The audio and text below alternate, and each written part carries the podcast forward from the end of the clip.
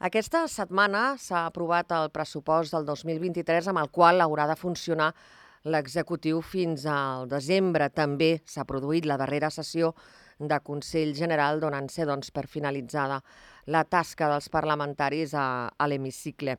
Anem a saludar la síndica general Roser Sunyer. Bona tarda. Molt bona tarda. Eh, feina feta, no? Feina feta, sí. En principi doncs, han estat quatre anys molt exigents per, per una raó bàsica que tots coneixem, que estat la situació que va crear el Covid, pràcticament dos anys de legislatura, que ha tingut doncs, la seva repercussió també en el treball, però doncs, jo crec que vam poder donar resposta amb un seguit de lleis que van ajudar a pal·liar el que havia passat amb la situació Covid i després hem continuat amb les tasques que, que, ja ens, que ens tocaven amb una certa normalització legislativa, però a un ritme potser que si no hi hagués hagut el Covid hauríem pogut espaiar més en el temps. Senyora Sunyer, teniu la sensació que alguna cosa s'ha quedat per fer? Recordo, per exemple, l'inici eh, que teníeu força voluntat d'aconseguir que la institució del Consell General estigués més a prop de la, de la ciutadania. Ben entès que hi ha hagut doncs, aquest eh, temps de, de pandèmia, però alguns eh, projectes, algunes iniciatives que, que, que haguessin aconseguit aquest objectiu, creieu que les heu pogut eh, dur a terme?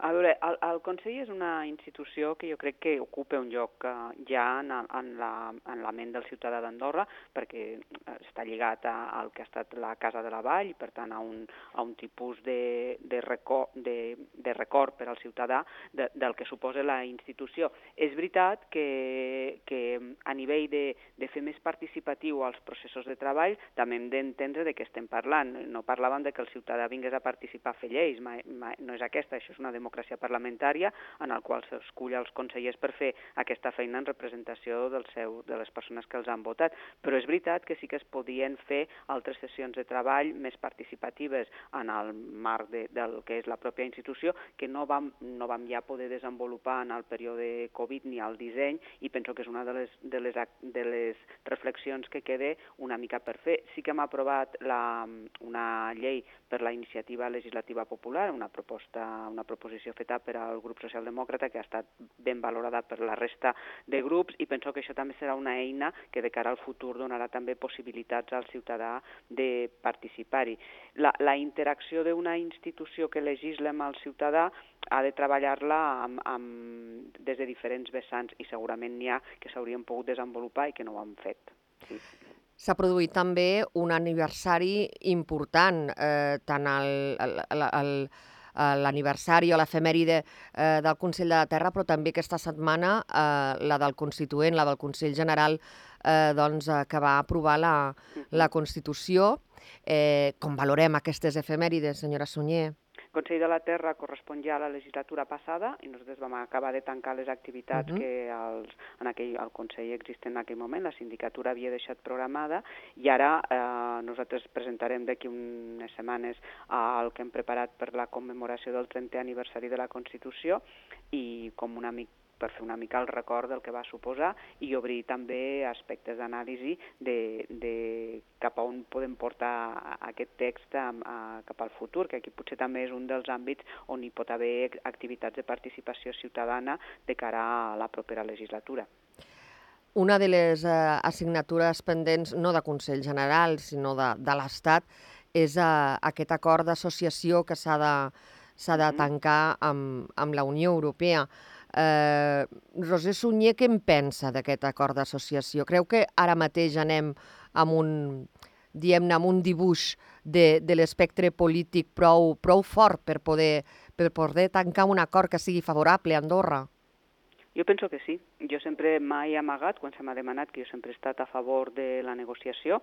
Mm, el meu passat fet, em va fer treballar diversos anys en el Ministeri d'Afers Exteriors, per tant, també conec bé per dintre els processos negociadors i penso que nosaltres hem de trobar un encaix a Europa. Europa som nosaltres que hem demanat poder-hi trobar una via per fer aquests, aquests treballs. A Europa, o sigui, la Unió Europea ens va proposar, l'única proposta final va ser aquest acord d'associació, i ara encara estem en una fase de discussió on, com bé diuen els negociadors, res està tancat. Per tant, encara hi ha molt treball eh, que s'ha de fer i penso que de la mateixa manera que per mi és satisfactori el treball que la del nostra delegació està desenvolupant a Brussel·les, segurament eh, en aquesta, a partir d'aquesta fase que estem ara, perquè sempre s'ha parlat d'un possible tancament de l'acord la tardor vinent, tancament vol dir signatura, no, no, llavors s'haurà de veure com, a, com acaba el procés de ratificació, eh, amb quin calendari, però sí que és cert que potser ara s'han d'enfortir les activitats internes uh, dins del país perquè la gent tingui més clar, tota la població, mm, a què suposa l'acord. L'acord finalment és, és, una, és una potencialitat per fer, eh? i és a partir d'aquí que hem de veure el, el que és uh, més positiu o negatiu. Quan la gent et diu és que no ens agrada, és que no ens hi sentim, tal, jo també penso quines altres alternatives tenim. Vull dir, la, la nostra, el nostre marc d'actuació és Europa i penso que l'acord, quan el quan el puguem veure en la, tota la seva fase final i, evidentment, sigui portat a referèndum, com, com s'ha compromès sempre el govern a fer, doncs a partir d'aquí jo crec que entendrem millor què ens aporta o què no ens aporta i posicionar-nos. A mi em sembla un exercici de responsabilitat política eh, i de futur mm, pel país mm, procedir a la negociació. Per tant, només puc fer que encoratjar-los a continuar amb la feina que estan fent. Eh, heu anunciat aquests dies que, no, que l'activitat política de moment eh, quede de banda. Eh, sí. Què fareu? Què faré? no, tinc, Sou una tinc persona feina, prou, prou activa. Tinc la feina al Ministeri d'Afers Exteriors, jo soc, un de, soc funcionària i per tant doncs, he d'avaluar si, si retorno al meu lloc de treball, no ho he decidit això encara, o ja per l'edat que tinc em puc acollir a la prejubilació, jo estic a punt de fer 63 anys, i a partir d'aquí doncs, decidir. A la vida ja, jo sempre dic que hi ha moltes coses uh, fora de, dels àmbits de la política a fer, i jo sóc una persona de múltiples interessos, vull dir que i que no estigui actiu en política en allò, en càrrec, no vol dir que no m'interessi la participació política des d'altres àmbits. Sereu activa durant la campanya de les eleccions generals? seré activa en, en el lloc que em pertoca. Jo he reclamat tercera quarta fila en aquests moments, per tant, és més en feina interna que no en feina de, de sortida als mitjans ni de fer, ni de fer treball de, de, eh, molt amb, amb, amb visibilitat. Senyora Sunyer, és prou atractiu ara mateix, eh, eh, tal i com, per exemple, s'ha aprovat un, un reglament que, que fa doncs, eh, presentar una declaració de béns eh, a l'inici de la legislatura i, i, i al final. És prou atractiu eh, el, el, el, com es planteja eh, doncs, la, la carrera política per les persones, pels andorrans que, que puguin estar-se plantejant a l'anar més enllà, en, en treballar pel seu país?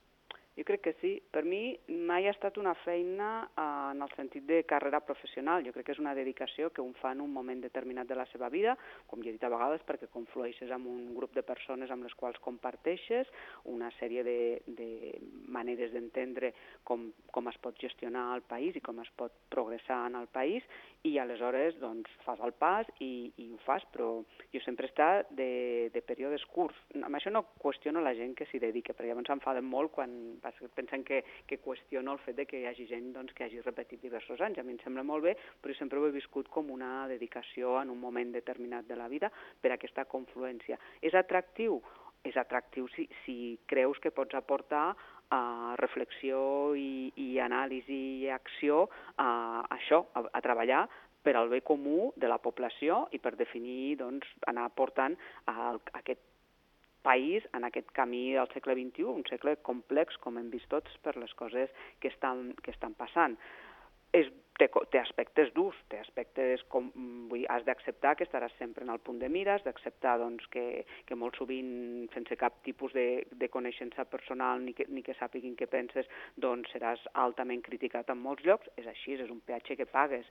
Les declaracions, en quant a la transparència, jo com que ho publicaria tot, soc altament transparent amb, aquest, amb, aquest, uh, amb aquests criteris, crec que no ha de ser un motiu per no dedicar-s'hi. Sí que és cert que per la ciutadania doncs, és una eina més per, per eh, decidir en, en, en qui confiar, en qui no confiar, una mica és una seguretat, no? Sí, sí, sí. Jo penso que com més transparents som, més fàcil és d'entendre de, de, què estem fent. I, i jo crec que un cop, si, si, si tots ens donéssim el temps aquest d'entendre els perquès de les coses i, i les reflexions, aportéssim més reflexió i no aquesta... A vegades el debat acaba sent foc d'encenalls, allà una fumerada i després ja no se'n parla més, no? Crec que també eh, faríem aquest tipus de pedagogia, d'anàlisi, que jo crec que és molt interessant. No, no, les coses no són blanques i negres, això ja fa molt temps que ho vaig descobrir. Per tant, has de saber-te moure en aquests, en aquests intermitjos que fan que al final trobis les solucions que són més bones per la majoria. I, i aquí és on, on hi ha a vegades les discrepàncies ideològiques, que ja hi han de ser, però que pots arribar a, a trobar accions de compromís que al final donen bon resultat. Molt bé, senyora Sunyer, li agraïm que hagi doncs, reservat aquests minuts eh, doncs, per Ràdio Nacional d'Andorra i doncs, li diem fins aviat.